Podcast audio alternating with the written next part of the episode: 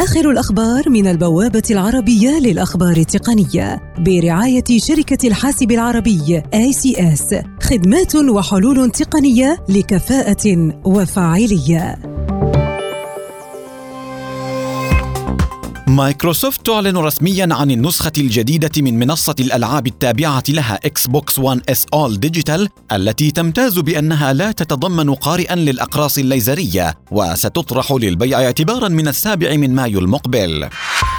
كوالكوم تنتصر في نزاعها القانوني مع آبل إذ توصلت الشركتان لتسوية مفاجئة تسمح بعودة هواتف آيفون إلى استخدام رقائق مودم من كوالكوم مجددا. ما رفع أسهم كوالكوم نحو 23% وهو أكبر مكسب لها منذ أكثر من 19 عاما.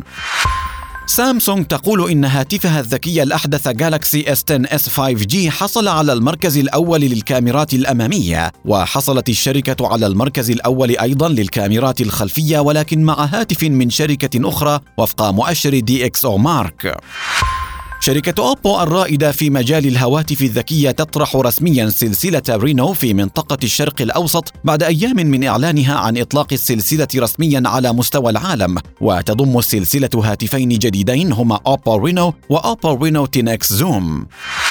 شركة HP تعلن عن مجموعة من أجهزة الحاسب المحمولة الموجهة للأعمال ومنها أجهزة حاسب محمولة من فئة EliteBook بالإضافة إلى محطات عمل محمولة من ZBook وشاشة بقياس 32 إنشا لرجال الأعمال.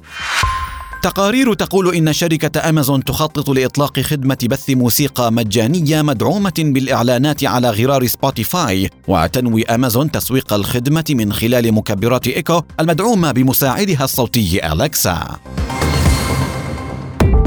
آخر الأخبار من البوابة العربية للأخبار التقنية برعاية شركة الحاسب العربي ACS خدمات وحلول تقنية لكفاءة وفاعلية. لمزيد من تفاصيل هذه الأخبار وأخبار عديدة يمكنكم زيارة موقع البوابة على شبكة الإنترنت aitnews.com